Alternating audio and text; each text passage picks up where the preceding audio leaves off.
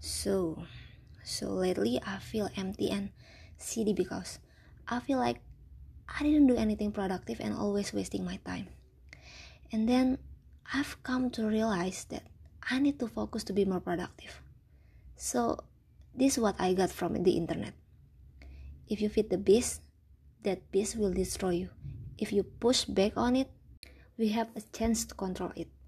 So, I think my beast in here is my concentration that I can't control, and their food is my distraction. Brain likes easy dopamine, and social media is designed for it. It makes you choose social media rather than something more productive. And you know that many things that we have to do is more complicated and hard. And social media making it harder because it makes our brain craving to easy short-term dopamine all the time especially when we did stressful things.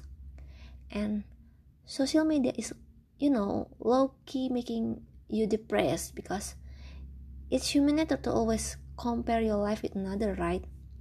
And then i just realized that sometimes people just being fake. This is my evil mind but sometimes when i look posts that i think not that good everybody just comment good things that i don't even know it's honest or not I know that it's a good thing, I know. Not gonna lie. Of course, I certainly hope to get many likes and good comments on my new post, but I don't want to be excited and not being focused all day because some affection like that. And uh, you know that actually everybody do not care that much about our happiness, right?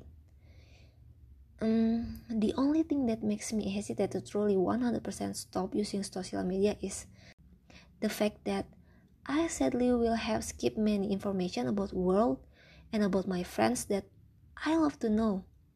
But actually, to get something useful from social media, you must through many shit posts that really wasting your time.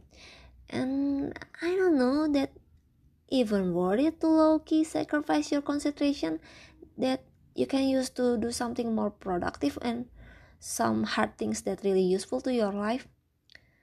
And uh, what about self-control? You know it's hard because social media is designed by the expert to being addictive in the first place.